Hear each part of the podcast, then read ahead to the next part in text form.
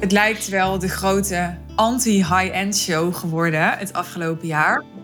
Uh, hè, dus ik merkte gewoon, in het begin denk je nog, ja, is dit nou mijn perceptie? Ik zie natuurlijk niet alles. En, maar inmiddels zie ik wel echt heel duidelijk dat mensen maken op social media het high-end business model belachelijk. Mensen komen naar klanten van mij toe en dan zeggen ze een soort van denigrerend oh, ben jij bij Suus geweest? Weet je, of ben jij er zo een van Suus? en dan eigenlijk willen ze dan ook vaak weten, ja, ben jij nu ook zo iemand die zich belachelijk prijst?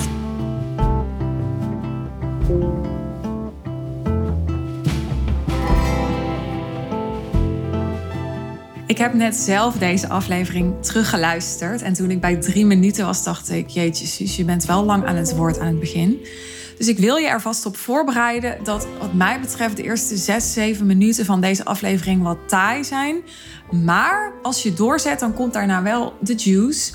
Want in deze aflevering bespreek ik met Pranay, die je inmiddels kunt kennen van de afgelopen 6, 7, wat zijn het? Podcastafleveringen.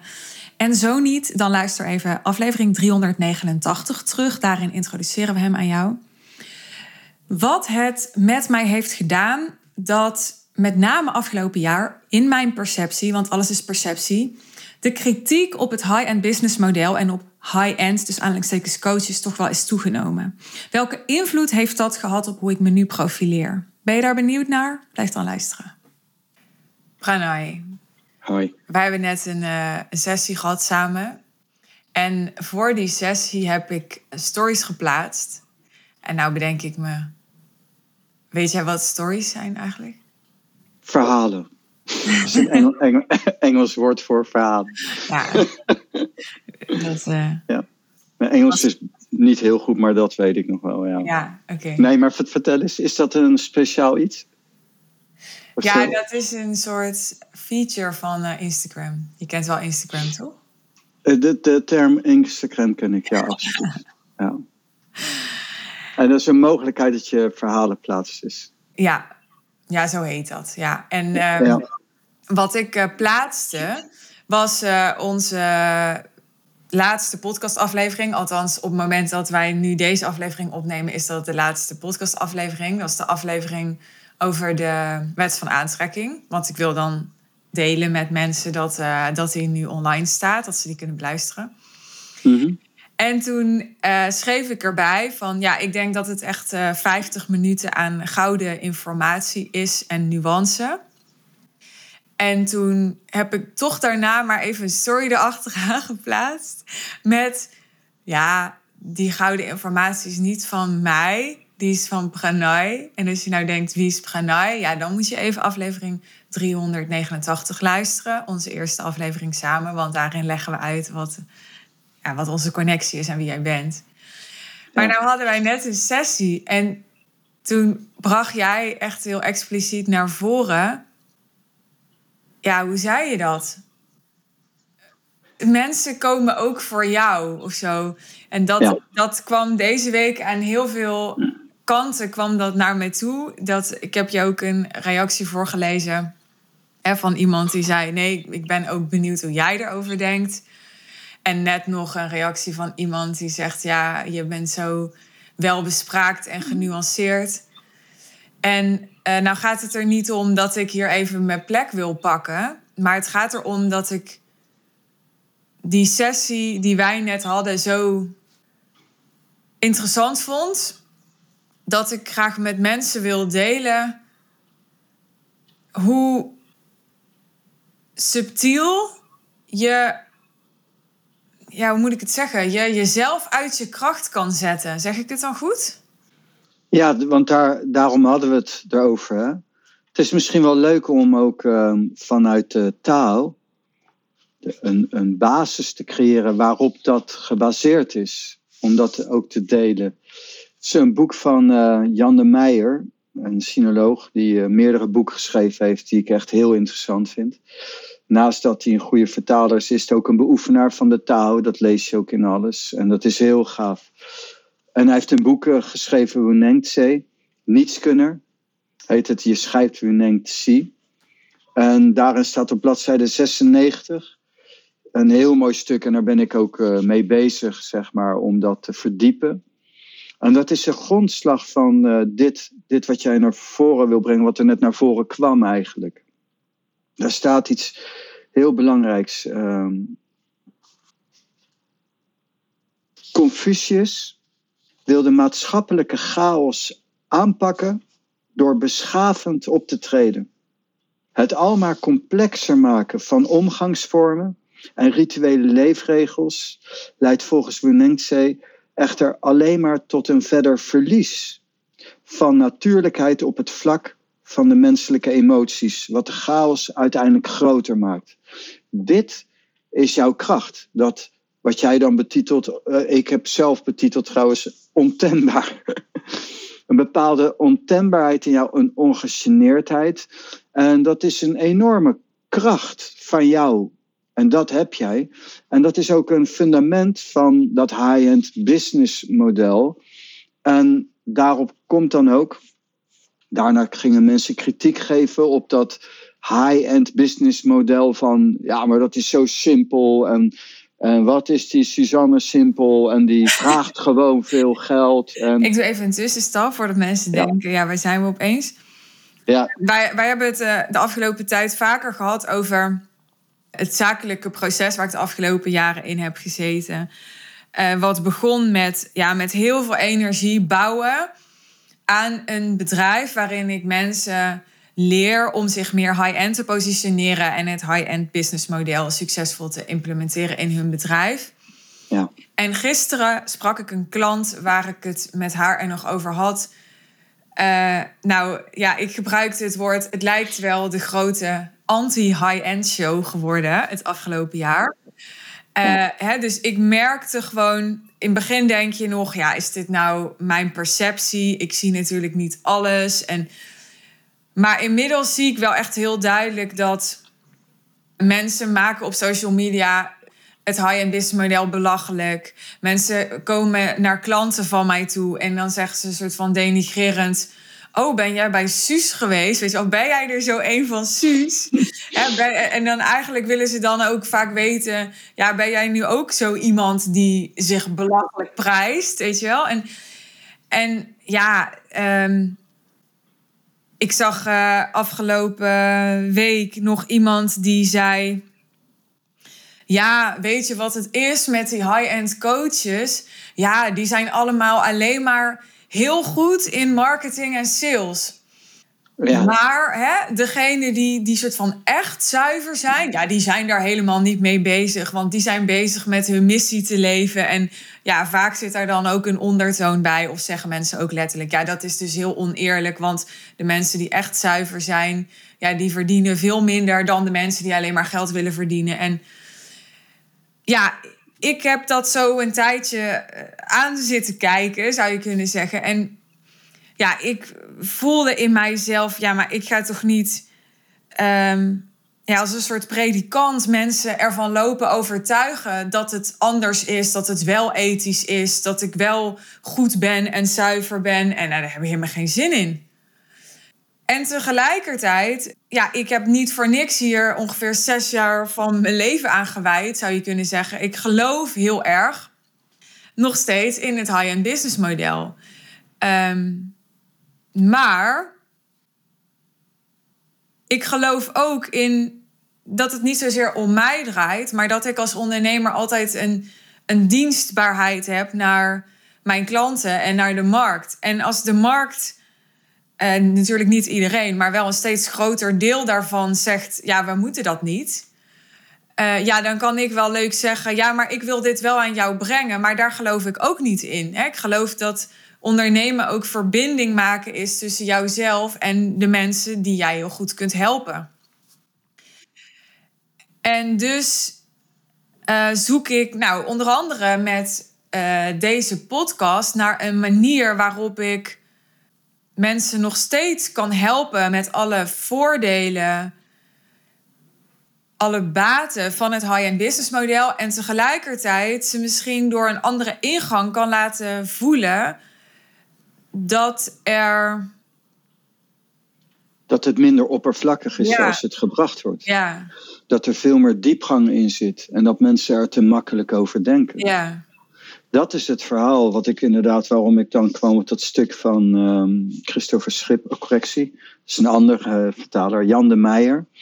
En die uh, uh, vertaler is een niet aardig woord eigenlijk voor die mensen. Het zijn echt sinologen die echt veel meer doen dan alleen maar vertalen. Maar los daarvan kom ik aan met die, die, ja, die regel van wat hij zegt. Het al maar complexer maken van omgangsvormen en rituele leefregels of business-leefregels maakt het allemaal complexer. Jouw kracht zit hem in bepaalde ontembaarheid, ongegeneerdheid of ook puurheid, wat niet zomaar even te doen is. En dus op de volgende bladzijde 97 staat dan ook over Confucius, die een, uh, wordt ook wel eens aangehaald als meester Kong. En dan zegt hij, ja, maar kijk of je doorgaat voor goed of fout wordt beslist door de anderen. En dat is een kwalijk iets van deze tijd. Het is zo, een high business model wordt afgemaakt op basis van geen besef van de kracht. Van de, de, de kracht van het high business model. Ze denken dus van, en toen kwam ik aan met het KitKat verhaal. Van ja, maar zo, als het zo simpel is, zo is het helemaal niet. Dus dan zeggen mensen, ja, zo iemand die komt aan van, ja, je kan ook gewoon heel veel geld vragen. Wat simpel, wat oppervlakkig. En dan zeg ik, nee, nee, want als KitKat nu in plaats van 3 euro, ik heb geen idee hoeveel ze vragen voor een KitKat, maar 3 euro vragen, zeggen, oh, high business model, weet je wat, we gaan er 300 euro voor vragen. Dan verkopen ze niks. Nee. Dus doe maar. Ja. Doe maar in de praktijk. En dus er zit dus iets in jou een kracht en iets wat heel interessant is, waardoor dat jou gelukt is. En waardoor jij dat neer hebt kunnen zetten en neerzet. Ja, alleen de kritiek is dus dat dit sluit precies aan bij wat ik net aanhaalde. Namelijk dat mensen zeggen: ja, zij is dus gewoon zo iemand die het lukt om mensen zover te krijgen om zoveel geld te betalen, omdat ze goed is in marketing en sales. Ja, maar dat is niet omdat je goed bent in marketing en sales. Want uh, geloof mij dat zo'n groot bedrijf als KitKat, ik, ik weet niet precies hoe dat in elkaar zit, bedrijfstechnisch, die hebben de beste marketing- en salesmensen die je maar kunt bedenken.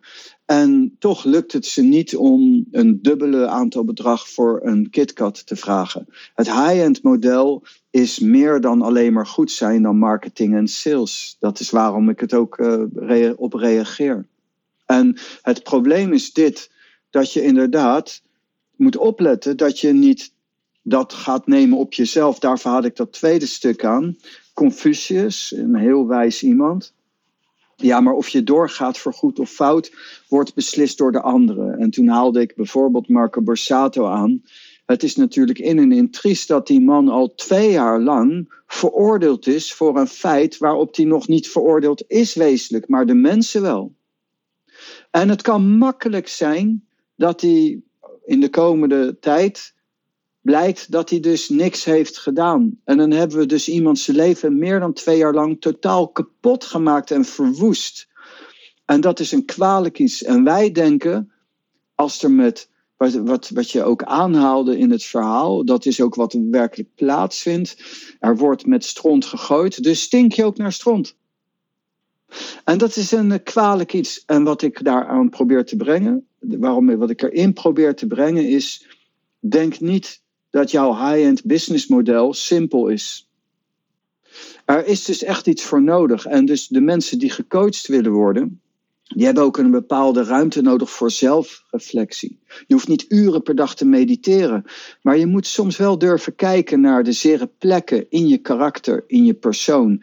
En je kracht vinden, de kracht van je eigen persoon. En ook te durven gebruiken. Er is heel veel moed voor nodig, want dan moet je floreren op basis van jouw dingen. En andere mensen maken die zo graag kapot die twee kanten zijn gelijk altijd aanwezig. Iemand is heel bekend, iemand is heel rijk, wordt dus geëerd, maar dezelfde kracht wordt zo'nzelfde persoon ook aangevallen. En, en, en mogelijk dikwijls steeds vaker kapot gemaakt zelfs.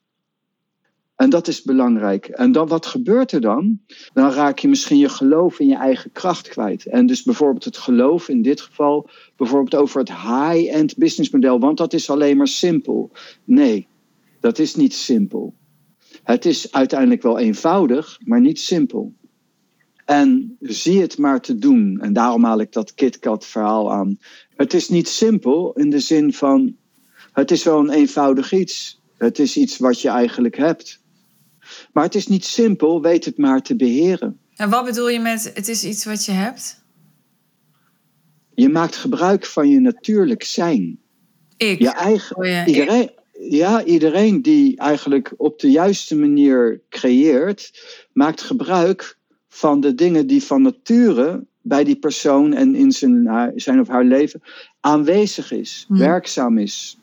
En je gaat niet een kracht creëren je maakt gebruik van dat wat is. En dat is ook intern. En zeg jij daarmee, jouw kracht is die ontembaarheid, ik gebruik maar even jouw term.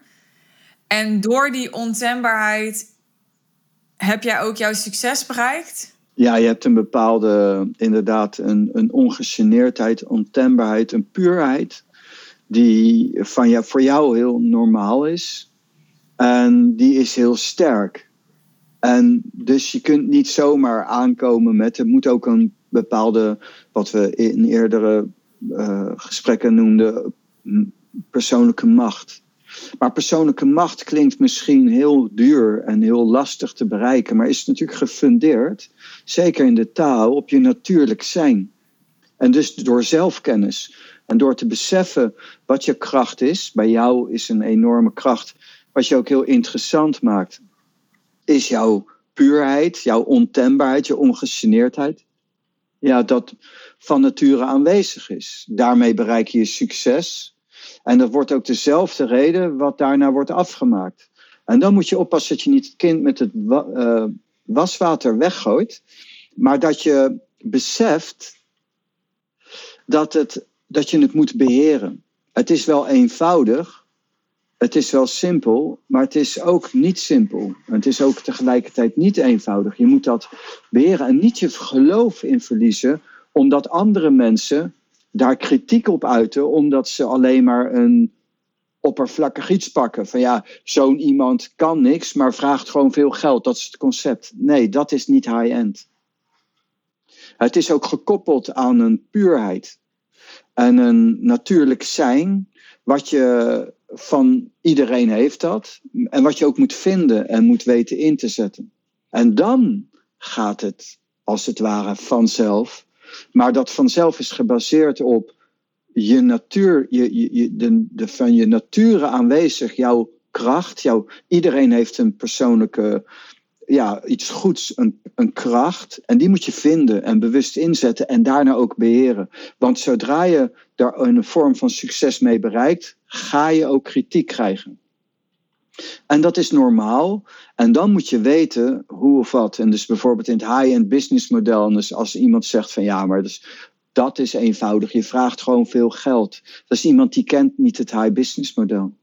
Die heeft zich niet werkelijk verdiept in wat het is. Die beseft dat niet. En dan wordt high business model wordt simpel gemaakt. Hè. Er wordt alles tegenwoordig gevreesd. En dan wordt er iets aangehaald. En dan wordt het hele concept of een persoon, daarom haal ik Marco Borsato aan, opgehangen aan iets Terwijl niemand zich erin verdiept hebt. Ik heb me helemaal niet kunnen verdiepen in de casus. Wat is er nou? Ik weet niet eens precies. Wat is er nou aan de hand met Marco Borsato? En we weten het ook niet. En ik weet dat het OM of zo, of ze zijn het aan het onderzoeken. Zelfs dat weet ik niet precies hoe dat zit. Maar wat ik wel weet is, ze zijn het aan het onderzoeken. Wie ben ik? Om op basis van geen kennis hem op voorhand af te maken. En dat doen ze ook met high-end. Ja, dit zal iedereen beamen. Alleen er zijn ook mensen en die. Ik denk dat het merendeel van de kritiek komt doordat iemand iemand kent die heel veel geld heeft betaald aan bijvoorbeeld een coach, aan een coachingsprogramma.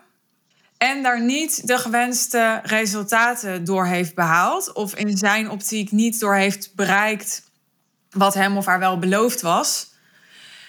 En dan ligt er een concrete casus waarbij iemand dus zegt: Je hebt niet waargemaakt wat je pretendeerde dat je kon. Ja, dat is een mooi iets en dat vind ik heel onvolwassen als iemand dat zegt. Um, want het is niet zo dat jij het niet waar hebt gemaakt. De persoon heeft het er niet uitgehaald. Dat is wat ik probeer te zeggen met mijn verhaal van Marco Borsato bijvoorbeeld. De persoon heeft het er niet uitgehaald. Het high-end business model, dus dat is, dan moet ik denken aan, uh, ik heb het vooral als verteld, Thai, die dan uh, een vraag krijgt en die zegt, Thai, ik ken jouw verhaal wel nu van leven in aandacht. Kan je niet iets anders brengen? En dat Thij zegt, jij kent mijn verhaal van leven in aandacht? Ja, dus kom eens met wat anders. En dan zegt hij, are you sure? En dus iemand zegt, ik heb bij jou een coaching en jij hebt niet waargemaakt. Are you sure? Of heb je niet durven kijken naar de kritieke punten in jezelf? Heb je niet het lef gehad om die ommekeer te maken? Heb je niet het lef gehad om rebels te zijn, om jezelf te zijn, om je ongegeneerd neer te zetten? En of miste je toch stiekem wat kracht? Of was je toch onzeker? Of zat er nog een wond achter? Waar die naar voren komt als jij je presenteert, als jij je uit. Maar dan kan iemand dus- zeggen, ja, jij bent toch de coach, dus dan moet jij me toch helpen om, om dat te zien en op te lossen? Nou, ja en nee. Ja, daarom zeg ik al bijvoorbeeld voor mij, ik ga niet zomaar met iedereen in zee. Ik heb, uh, ik heb een druk leven, ik ben heel blij. Ik heb een drukke praktijk, een drukke business. En uh, waarom zou ik zomaar met iedereen in zee gaan? Er is ook een interactie en ik wil ook kijken of er mogelijkheden zijn. Maar je krijgt nooit, ik zal nooit iemand een garantie geven vooraf. Ik zal nooit tegen iemand zeggen: ga met mij in zee, dan bereik je het. Nee, ik kan je helpen. Ik kan je stimuleren. Ik weet dat wat ik doe functioneert door mezelf, ja. door veel andere mensen. Maar de persoon zelf heeft de verantwoordelijkheid ook om het eruit te halen. Er zijn wel eens mensen geweest die Er zijn wel eens mensen geweest die aan mij hebben gevraagd om op uh, no cure, no pay basis te werken, bijvoorbeeld. Ja, dag. Want je besteedt wel je tijd eraan. Nee, dat kan ook niet. Weet je, je, je, hebt, je krijgt een mogelijkheid aangeboden. En het niet een garantie dat het gaat gebeuren, maar je kunt je verdiepen in iets wat je enorm kan helpen. En dat is het. En iedereen houdt zijn eigen verantwoordelijkheid. Dan moet ik ook denken aan iemand vraagt aan de Dalai Lama over de boeddhistische geschriften. En, en die, als je, ik heb alle boeddhistische geschriften thuis in boeken, is heel interessant. Maar het is inderdaad opvallend dat sommige punten uh, in de boeddhistische schriften, die spreken zich later tegen. Dus dan, bij wijze van spreken, de een zegt het is links en de ander andere boeddhistische geschrift, zelfde, in dezelfde kanon, zegt rechts. En dan vraagt iemand daarnaar en dan zegt uh, Dalai Lama ook terecht, ja, er zitten ook inderdaad gebreken in, bij elk pad. Zijn er altijd wel zwakke punten in uh, de, de, het pad zelf. Hij zegt maar, je hebt gewoon je gezond verstand nodig. Je moet het ook brengen naar je eigen ervaringswereld. En je moet het ook. En, en je kan, je moet nooit zomaar iets aannemen. Dat is ook het verhaal van toevlucht nemen en een, een, een, meester aanvaarden en devotioneel zijn. Ja, maar dat houdt niet in dat je zelf moet rekenen dat je gewoon geestelijk gestoord bent of zo. En dat jij alleen maar volgt wat de ander zegt. Dat is natuurlijk ook op basis van gezond verstand en persoonlijke uh, ja, kennis en inzichten. Ja. Natuurlijk. En eigen verantwoordelijkheid. Even terug naar die, uh, die puurheid en ongegeneerdheid. Je zei net ook, als ik je goed begreep, van je hebt ook een bepaalde puurheid en ongegeneerdheid nodig om succesvol te zijn met het ja, high-end business model. Ja. En zeg je daarmee dan ook, ja, jij hebt dat van nature. En mensen die komen bij jou omdat ze al dan niet onbewust hopen daar een soort van mee besmet te raken. Maar niet iedereen heeft dat van nature. Dus sommige mensen valt dat stuk tegen en daarom lukt het hen niet. Is dat wat je zegt? Ja, klopt. Ja, is wat, wat kort, maar het, dat is zeker een onderdeel ervan. Een ander onderdeel is, um, het is natuurlijk complexer. Heel veel er zijn ook heel veel andere dingen nog aanwezig waar je rekening mee moet houden. Dus een ander aspect bijvoorbeeld is van jou is uh, in ons spreken bijvoorbeeld. Uh, het is heel verrijkend. Jij, ik zit te praten over de taal en over dingen. En dan kom jij aan met vragen en dingen. Daar zou, daar, daar zou ik nooit aan denken. En dus jij verrijkt ook de taal voor mij. En wat ik zeg. En door jou. En dus het is niet alleen dat, ongegeneerd. Het is ook echt je manier van denken. En daar zit iets in. En je manier van zijn waar iets in zit, wat voor mij bijvoorbeeld ook heel verrijkend is. En, en dus dat is heel gaaf. Dat is iets wat je hebt. En iedereen denkt op een bepaalde manier. En iedereen kan op bepaalde punten dan het juiste punt vinden. Dus dat is een onderdeel van de leer. Het middelpunt vinden in jezelf. Iedereen heeft iets dus er is niemand in de wereld. Ik ken één iemand, maar die naam nee, is een grapje. die heeft dat nee, nee. Die heeft niks. Maar die heeft niks. Dat is gewoon hopeloos. Maar in het, in het algemeen is iedereen. De, iedereen heeft zijn kwaliteiten. En je, de kunst is dus letterlijk prana-technisch. Zo je ademt met aandacht om het middelpunt te vinden. De juiste plek te vinden om het middelpunt neer te zetten. En bij de meeste mensen, die staan niet op de juiste plek. Die staan niet goed afgesteld. Dat is bij heel veel mensen. En Osho heeft wel eens gezegd dat eigenlijk, eigenlijk bijna al het lijden daardoor ontstaat. Oké, maar, zijn zich... ja? Oké, maar ik ben ondernemer. En jij vertelt mij nu ja, heel veel mensen die lukt het niet om succesvol te zijn, al dan niet met het high-end business model, want ze staan niet op de juiste plek, zijn niet goed afgesteld.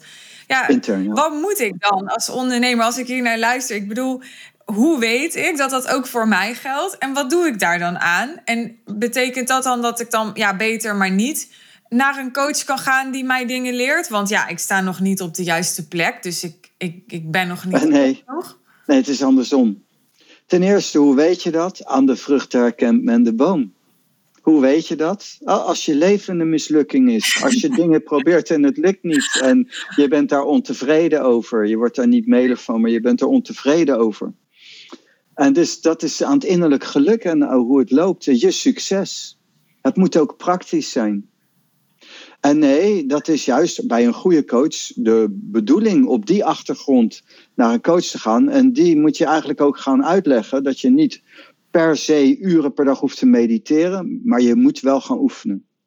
En met die kracht van oefening, van bijvoorbeeld leven in aandacht, daarmee kun je die dingen overwinnen. Maar ik heb natuurlijk nog nooit, nou ik zeg natuurlijk, maar ik heb nog nooit tegen een klant gezegd Weet je wat jij moet doen? Jij moet gaan beoefenen. Nee. En dat is misschien ook een, een, een, een reden waarom je eh, geïnteresseerd raakte in mij. En dus dat je er iets in miste. En, en dus ja, dat is, dat is de reden waarom deze casussen die je naar voren brengt, zijn ontstaan. Ja. En, en als mij dat gebeurt, dan leg ik dit verhaal uit. En zeg ja, maar luister. En dan kan ik dat ook als ik een individu, een persoon voor me heb, kan ik ook aangeven, kijk, dit zijn de knelpunten. Ik heb overigens, ik zeg wel nu zo stellig van, ik heb nog nooit tegen een klant gezegd, je moet gaan beoefenen. Voor mhm. mensen die nu denken, wat bedoel je met beoefenen? Kan je nog even heel kort vertellen wat jij bedoelt met beoefenen? Ja, het is eigenlijk heel makkelijk. In de zen noemen ze het een oefening naar het middelpunt. En je beoefent in, in zeg maar wat ik doe, adem in aandacht. Ik adem met aandacht en ik probeer, ik probeer dat niet, ik doe dat. Ik beoefen mezelf om de hele dag door bewust te zijn van mijn lichaam, en dit moment en ik hier gecentreerd in mezelf, in combinatie natuurlijk met de wereld. Leven in aandacht. Ja. Dat is de beoefening. Dat, uh, dat met die term heb ik nooit zo tegen klanten gezegd. Maar ik heb wel steeds meer, ook in de loop der jaren, tegen klanten gezegd. Het is eh, denk ik belangrijk voor jou dat je meer gaat mediteren. Dat je um, bepaalde oefeningen gaat doen om meer los te laten. Dat je meer op de plek van de waarnemer komt te zitten en minder gaat identificeren. Omdat ik wel heel duidelijk zag, zolang mensen geïdentificeerd zijn, zijn ze nog gehecht. En ja, hechting is gewoon zo destructief voor succes. Ben je het daarmee eens? Mm, ja, al, altijd voor de taal en voor de natuurlijke vorm van succes. Hoewel je natuurlijk hele grote mensen ziet die heel succesvol zijn terwijl ze gehecht zijn en dan toch heel succesvol raken. Uh, maar we hebben het dan hier over inderdaad op zo'n manier succesvol raken dat je ook floreert op alle punten, ook persoonlijk en in je leven. En dat het nou, ook ja, zo relaxed mogelijk gaat. Ja, laat ik inderdaad mezelf nuanceren. Dat ik denk dat je. Je kan alle regels, tussen aanhalingstekens voor succes, aan je laars lappen. Zolang je iets hebt in jezelf of een vaardigheid of wat dan ook, waarmee je dat kan compenseren. Dus ik denk dat alle dingen die ik mijn, mijn klanten leer, die zijn allemaal waar. En het is ook niet zo dat als je ze allemaal niet doet, dat je dan dus nooit succesvol kan worden. Zo werkt het niet. Maar dan heb je dus blijkbaar iets anders. Wat nog sterker is dan al die dingen. Waarmee je toch dat succes bereikt. Zo, zo kijk ik daarnaar. Ja, en dat is goed. Maar heb eigenlijk een, iets in mijn gedachten waardoor ik zo reageer. Dat het complexer is. Er zijn ook andere componenten aanwezig. En dat is bijvoorbeeld een van die dingen is ook op bladzijde 97 van Jan de Meijer, Woenengtzee staat ook. En dat is een heel mooi stuk. Daar moet je niet door laten ontmoedigen, want daar kun je ook mee werken. Maar of je rijkelijk bedeeld bent, dan wel povertjes leeft, hangt af van je lotsbestemming. Er is dus ook een karma. Je hebt dus ook vorige levens meegemaakt, ook andere dingen. Maar je hebt dus ook een dharma. Je hebt ook dingen die je zelf gevraagd hebt of wilt in je onbewuste. En ik had pas geleden een gesprek met iemand die eigenlijk op heel veel punten niet succesvol is. Op heel veel punten niet succesvol is. En bij dieper in gesprek, door dieper in gesprek te komen, werd ze zichzelf van bewust dat haar eigen vraag is geweest in een soort gebed of naar de wereld toe van ik wil eigenlijk het innerlijk geluk ervaren zonder enig, zonder geld, zonder partner, zelfs zonder huis, zonder succes. En daar werd zij zich pas bewust van in het gesprek. Zij, je hebt het zelf gecreëerd, maar je weet niet eens wat je gevraagd hebt. En nu dat je je er bewust van wordt, kan je die ketens verbreken. En je kan herzien. En dat is een heel essentieel iets. Dat je je bewust wordt, maar weet dat je je, dus je lotsbestemming, want dat klinkt zo van fatalistisch, maar ook je lotsbestemming kun je wijzigen, want je bepaalt 99% van je leven zelf. Mooi, dankjewel. Dankjewel voor het luisteren. Heb je een vraag of wil je reageren op wat je hebt gehoord? Ga naar de show notes, daar vind je meer informatie over hoe je mij en Pranay kunt bereiken. En was deze aflevering inzichtgevend voor je, waardevol, interessant, paradigmaverschuivend? Dan ehm, vinden we het tof als je hem wilt delen in jouw netwerk, bijvoorbeeld op jouw social media kanalen. Want dan kunnen anderen hem ook ontdekken en beluisteren. Dankjewel alvast daarvoor. Je maakt ons natuurlijk ook enorm blij als je een 5-star review wilt achterlaten. Want ook op die manier wordt deze podcast beter vindbaar. Heel graag tot de volgende aflevering. Bye bye.